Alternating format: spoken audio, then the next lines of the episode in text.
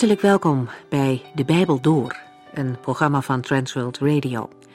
De Bijbel Door is een radioserie die u in vijf jaar meeneemt door de hele Bijbel. Van Genesis 1 tot Openbaring 22.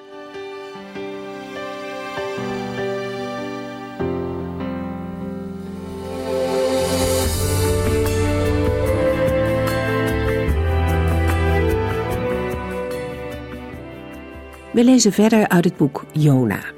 In de eerste verse zien we dat de profeet een opdracht van de Heere krijgt. Het is niet zijn eerste. Jona had in eigen land al namens de Heere gesproken. Maar deze keer moet hij een vijand van Israël gaan waarschuwen. Jona moet in Nineveh bekendmaken dat God zo kwaad op de bevolking is dat hij van plan is de stad te verwoesten. God kan de slechtheid van de stad niet langer verdragen. Maar voor het oordeel komt, wil hij de mensen waarschuwen. Op het eerste gehoor klinkt hier alleen maar een oordeel van God. Jona was echter de man die zijn God kende. Hij wist dat de Heere genadig en barmhartig is. En hij hield er al rekening mee dat de Heere een uitweg zou bieden wanneer de Ninevieten de waarschuwing ter harte zouden nemen. En Jona besluit de andere kant op te gaan. Hij gaat niet naar Nineveh. De profeet is het niet eens met het beleid van God. Dat is de grote reden waarom hij deze opdracht weigert. Jona vlucht niet weg van de Heere met het idee dat hij buiten Gods aandacht kan verdwijnen. En ook de angst voor de Assyriërs is niet de reden dat hij niet gaat. Nee, Jona gaat naar Tarsis omdat hij God niet begrijpt. En omdat hij God niet begrijpt, wil hij ook de waarschuwing van God niet bekendmaken. Jona vluchtte weg van het aangezicht des Heren. Deze uitdrukking, staan voor het aangezicht van de Heere, geeft aan dat iemand zich ten dienste van God stelt. En Jona wilde dat niet. In elk geval niet met betrekking tot de vijandige Assyriërs. Het was natuurlijk ook wel pijnlijk. Israël bekeerde zich niet tot de Heere, ondanks alle zegeningen die ze van hem ontvingen, en als de Assyriërs zich dan wel zouden bekeren op de aankondiging van het oordeel, dan zou dat de omgekeerde wereld zijn. Jona spreekt er niet over met de heren, maar slaat op de vlucht. Aan het eind van het boek zien we dat de profeet ook in dit opzicht verandert. Als God Nineveh spaart, wordt Jona kwaad. Hij is het er niet mee eens, maar deze keer gaat hij met zijn boosheid wel in gebed. En het is in ieder geval een betere manier dan op de loop te gaan. We lezen verder uit Jona 1 vanaf vers 4.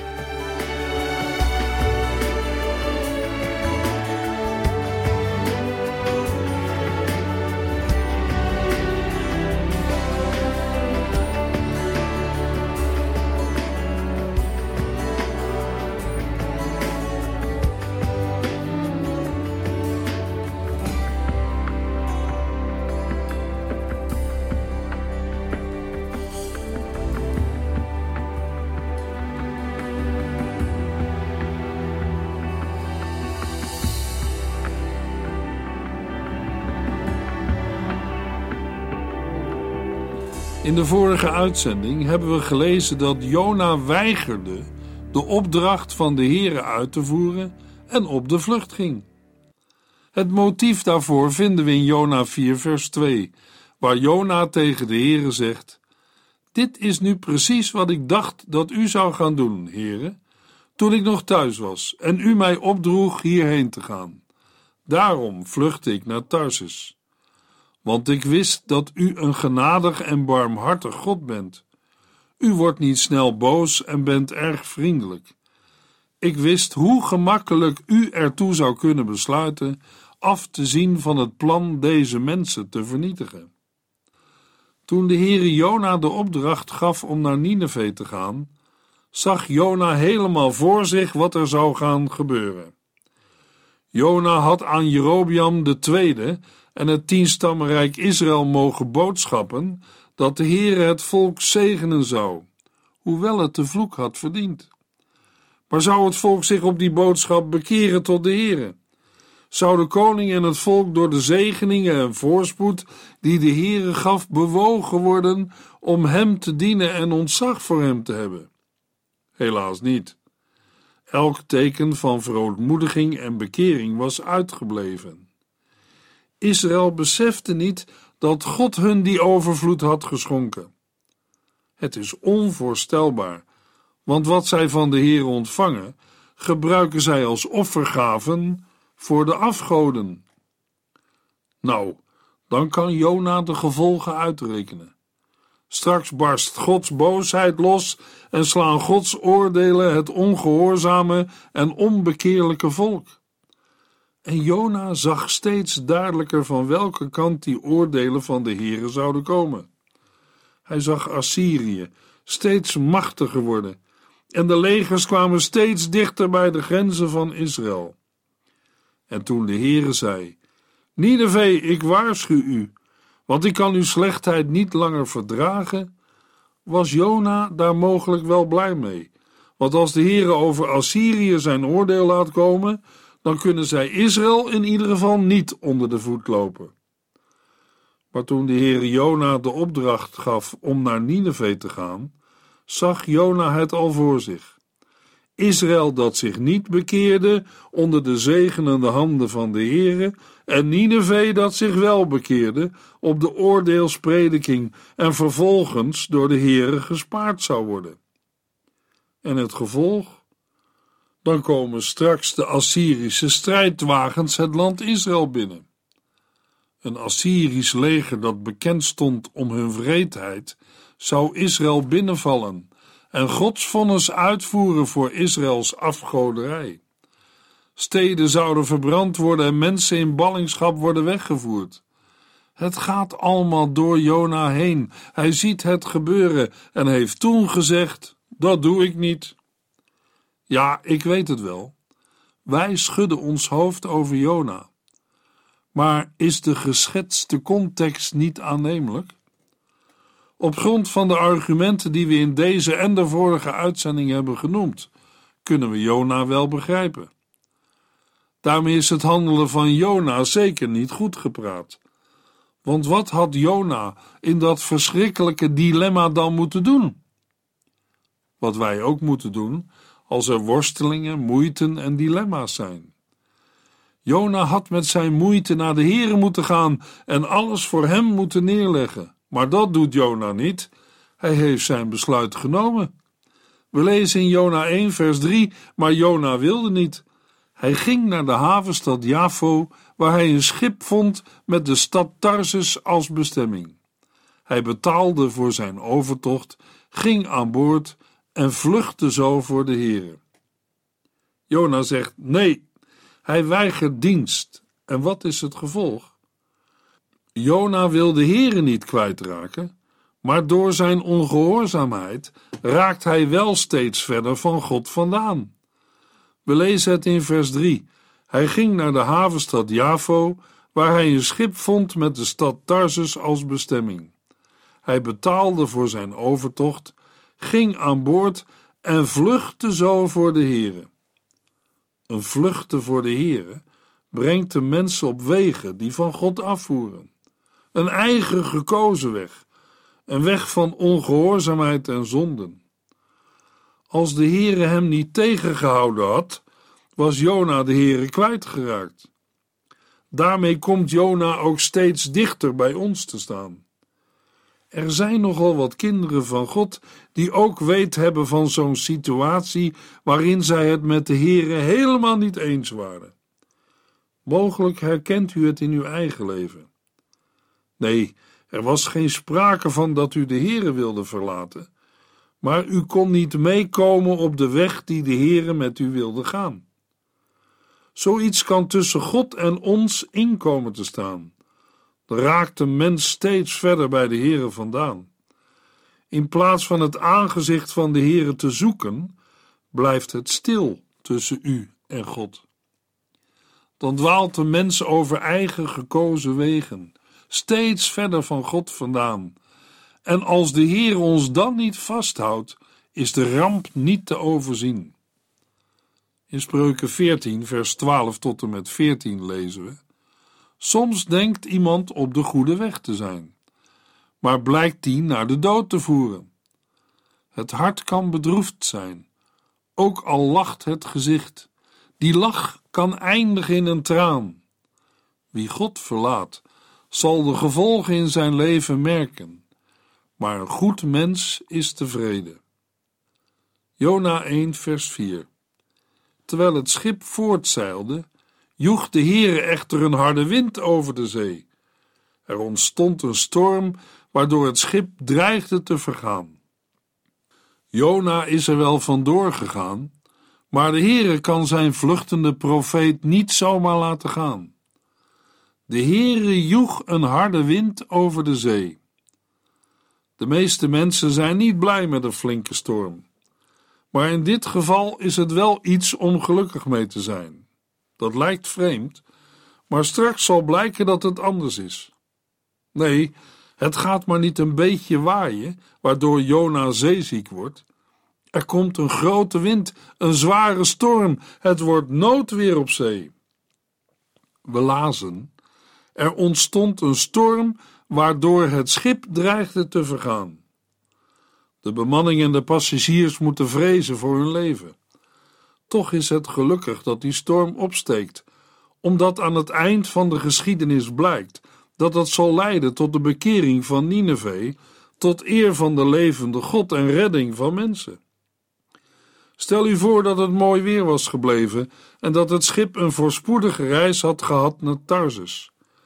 Dan was Jona waarschijnlijk in Spanje aangekomen en had hij daar mogelijk een mooi leven gekregen en een aardig bestaan opgebouwd. Ja, misschien wel, maar het was dan wel een leven zonder God geweest, omdat de Heer op onze eigen gekozen wegen niet meegaat. God wil ons van onze eigen gekozen wegen afbrengen en ons op zijn spoor inzetten. Daarom brengt hij Jona en het schip in een storm en dreigen zij met man en muis te vergaan. Soms moet de Heere opvoedkundige maatregelen gebruiken om ons mensen op andere gedachten te brengen, voordat wij doen wat God zegt.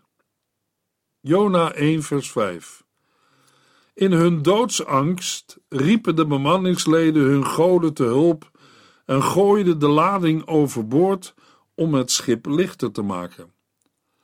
Terwijl dit gebeurde, lag Jona te slapen in het scheepsruim.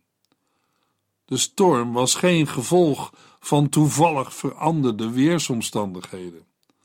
De ervaren zeelui van het schip naar Tarsus hadden er niet op gerekend, want dan waren zij niet uitgevaren. En als geoefende zeelieden zeggen wij vergaan, dan is er werkelijk wat aan de hand. In vers 4 hebben we gelezen dat de storm van de Heere komt en de storm maakt doorvaren onmogelijk. En wij weten ook dat dit te maken heeft met het feit dat de Heere niet wil dat Jona nog verder vlucht voor hem. Daarmee is de storm een bewijs dat de Heere niet heeft afgerekend met een vluchtende Jona. Die storm is een teken van de barmhartigheid van God, waarvan het Bijbelboek Jona vol is. De Heer laat Jona niet los. Het is ook voor ons goed dat wij ons dat realiseren. Daarmee moeten we wel zeggen dat niet elke storm te maken heeft met zonde en met een eigen gekozen weg. Maar het is wel een zegen en een bemoediging als de Heer alles op alles zet om zijn kinderen op het rechte spoor te houden. Als wij ons op een hellend vlak bevinden en onze wegen ons steeds verder van de Heere afvoeren, steekt de Heere in Jezus Christus ons de hand toe en zegt: Mijn zoon, mijn dochter, geef mij uw hart. Ieder mens die zichzelf heeft leren kennen, als een mens met een dwaalziek hart en een eigenwijze geest, zal aan de Heere vragen: Heere, als het niet anders kan, Laat het dan maar stormen, maar laat mij niet los. De bemanning van het schip ziet het moment van schipbreuk steeds dichterbij komen. We lezen in vers 5: In hun doodsangst riepen de bemanningsleden hun goden te hulp en gooiden de lading overboord om het schip lichter te maken. En Jona? Jona lag in het scheepsruim te slapen. Hij is zich van geen kwaad bewust. Maar het allerdomste wat een mens kan doen, is vluchten voor God. Vluchten voor God of je voor Hem verstoppen, is nog geen mens gelukt en zal in de toekomst ook niet gebeuren. De eerste mens die het geprobeerd heeft was Adam, na de zondeval in de Hof van Eden. Adam en Eva hoorden Gods stem nadat ze hadden gezondigd. Toen probeerden zij zich te verbergen, maar dat mislukte. Zij waren ook de eerste mensen die dat moesten ontdekken. Wij mensen kunnen onze schepper, de Heere, niet ontlopen. Wij komen de Heere altijd weer tegen. Is het niet in dit leven, dan straks in het uur van ons sterven. David zegt in Psalm 139, vers 12: Ook de duisternis kan niets voor u verbergen.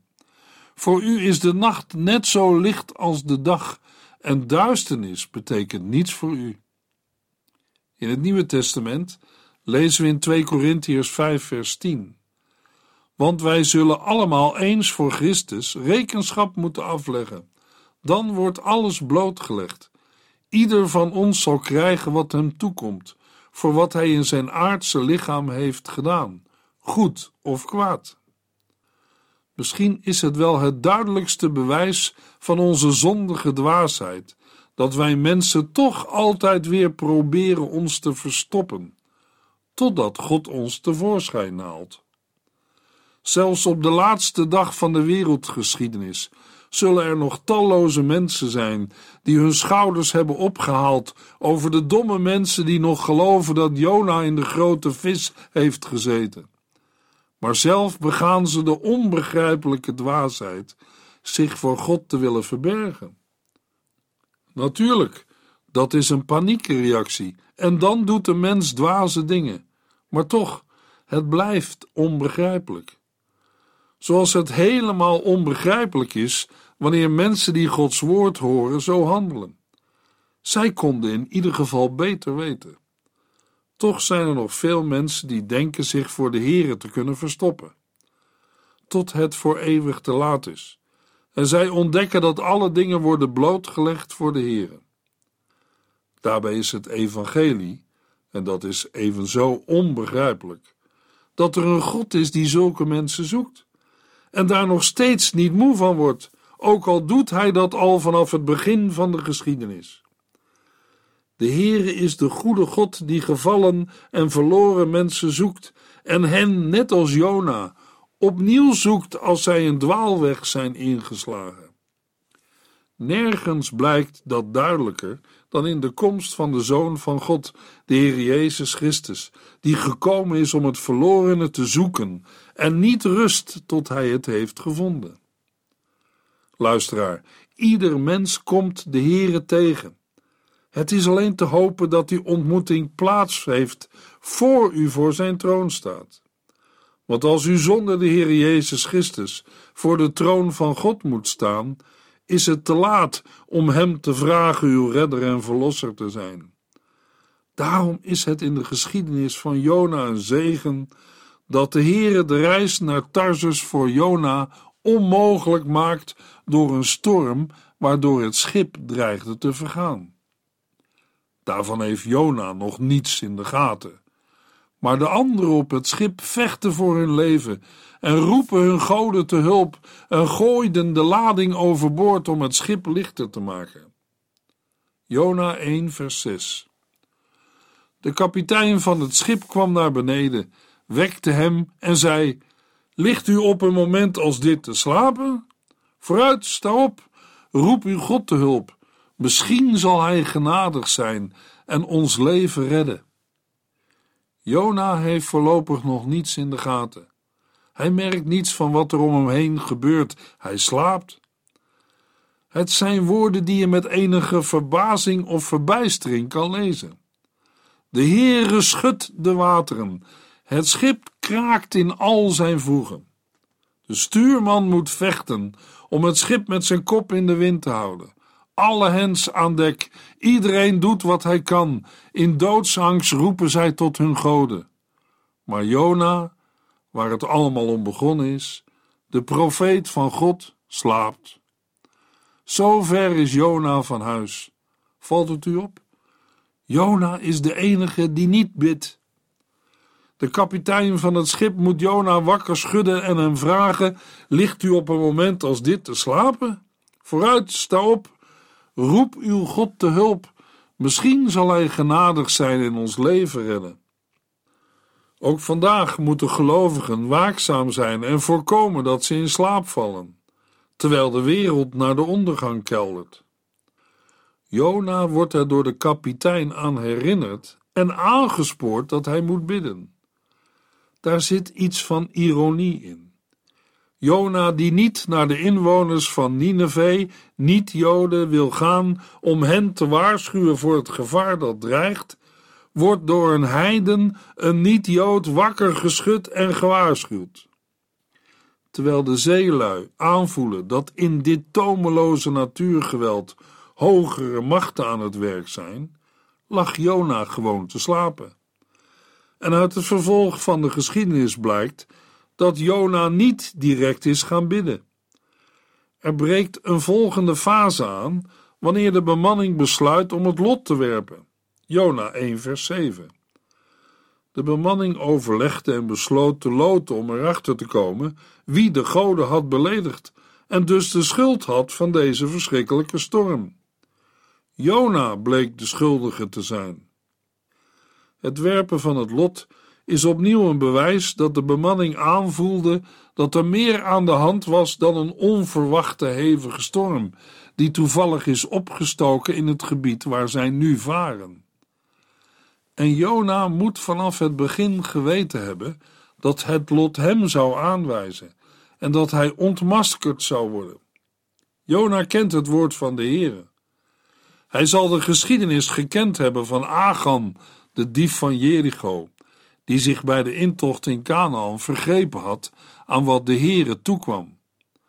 Agan had ook gezwegen, maar stap voor stap had het lot hem aangewezen. Jona weet ook wat er in Spreuken 16 staat over het werpen van het lot, namelijk het lot wordt weliswaar ongezien geworpen, maar de Heere bepaalt hoe het valt. We lazen in vers 7 de bemanning overlegde en besloot te loten om erachter te komen wie de goden had beledigd en dus de schuld had van deze verschrikkelijke storm. Jona bleek de schuldige te zijn. Jona 1 vers 8 Wat hebt u uitgehaald, vroegen ze hem, dat wij in deze vreselijke storm terechtkomen? Wie bent u? Wat doet u hier? Uit welk land komt u? Jona kon erop wachten dat het lot hem zou aanwijzen. Dan moet Jona wel vertellen wie hij is en dat hij het met zijn God niet eens was geweest en daarom was gevlucht. De Hebreeuwse tekst vermeldt in vers 10 dat de bemanning wist dat Jona voor de Here op de vlucht was. Mogelijk hadden ze er toen weinig aandacht voor gehad, omdat in hun heidense gedachtenwereld het helemaal paste. Als een mens aan de greep van zijn God wilde ontkomen, dan moest hij naar een gebied gaan waar die God geen macht had. Jona 1, vers 9 en 10. Hij zei: Ik ben een Hebreeër en ik geloof in de eeuwige, de God van de hemel, die de hemel, de aarde en de zee heeft gemaakt. Daarna vertelde hij hun dat hij op de vlucht was voor de Here. De angst sloeg de mannen om het hart toen zij dat hoorden. Waarom hebt u dat gedaan? riepen zij. Uit wat Jona vertelt begrijpt de bemanning dat zij hier met een God te maken hebben die heel anders is dan hun goden. De Heer is de enige God die groot is en alle macht heeft, die de zee gemaakt heeft en als eigenaar beschikt over water en wind. Jona's woorden maken op de bemanning een diepe indruk. Dat is op te maken uit hun reactie op wat Jona heeft gezegd. Verbijsterd vragen zij hem hoe hij zoiets heeft kunnen doen. Wie haalt het nu in zijn hoofd om voor zo'n God niet te buigen? Dat moet toen een ontdekkende vraag voor Jona zijn geweest. En dat is het vandaag voor ons ook. De bemanning is met diep ontzag voor de God van Israël vervuld. Het blijkt uit de woorden die we lazen in vers 10. De angst sloeg de man om het hart toen ze dat hoorden. Waarom hebt u dat gedaan? riepen zij. Daarom werpen zij Jona niet zomaar overboord als hij hun dat voorstelt. Stel je voor dat zijn God dat niet goed vindt. Je krijgt de indruk dat zij daar meer over inzitten dan Jona zelf. En als zij tenslotte tot die daad overgaan, dan doen zij het met angst en beven en vertellen de heren dat ze geen andere oplossing meer zien. En ook als de storm straks even wonderlijk gaat liggen als hij is opgestoken, zijn zij vol van die God die grote dingen doet. Zij aanbidden de Heere met woorden en met offers.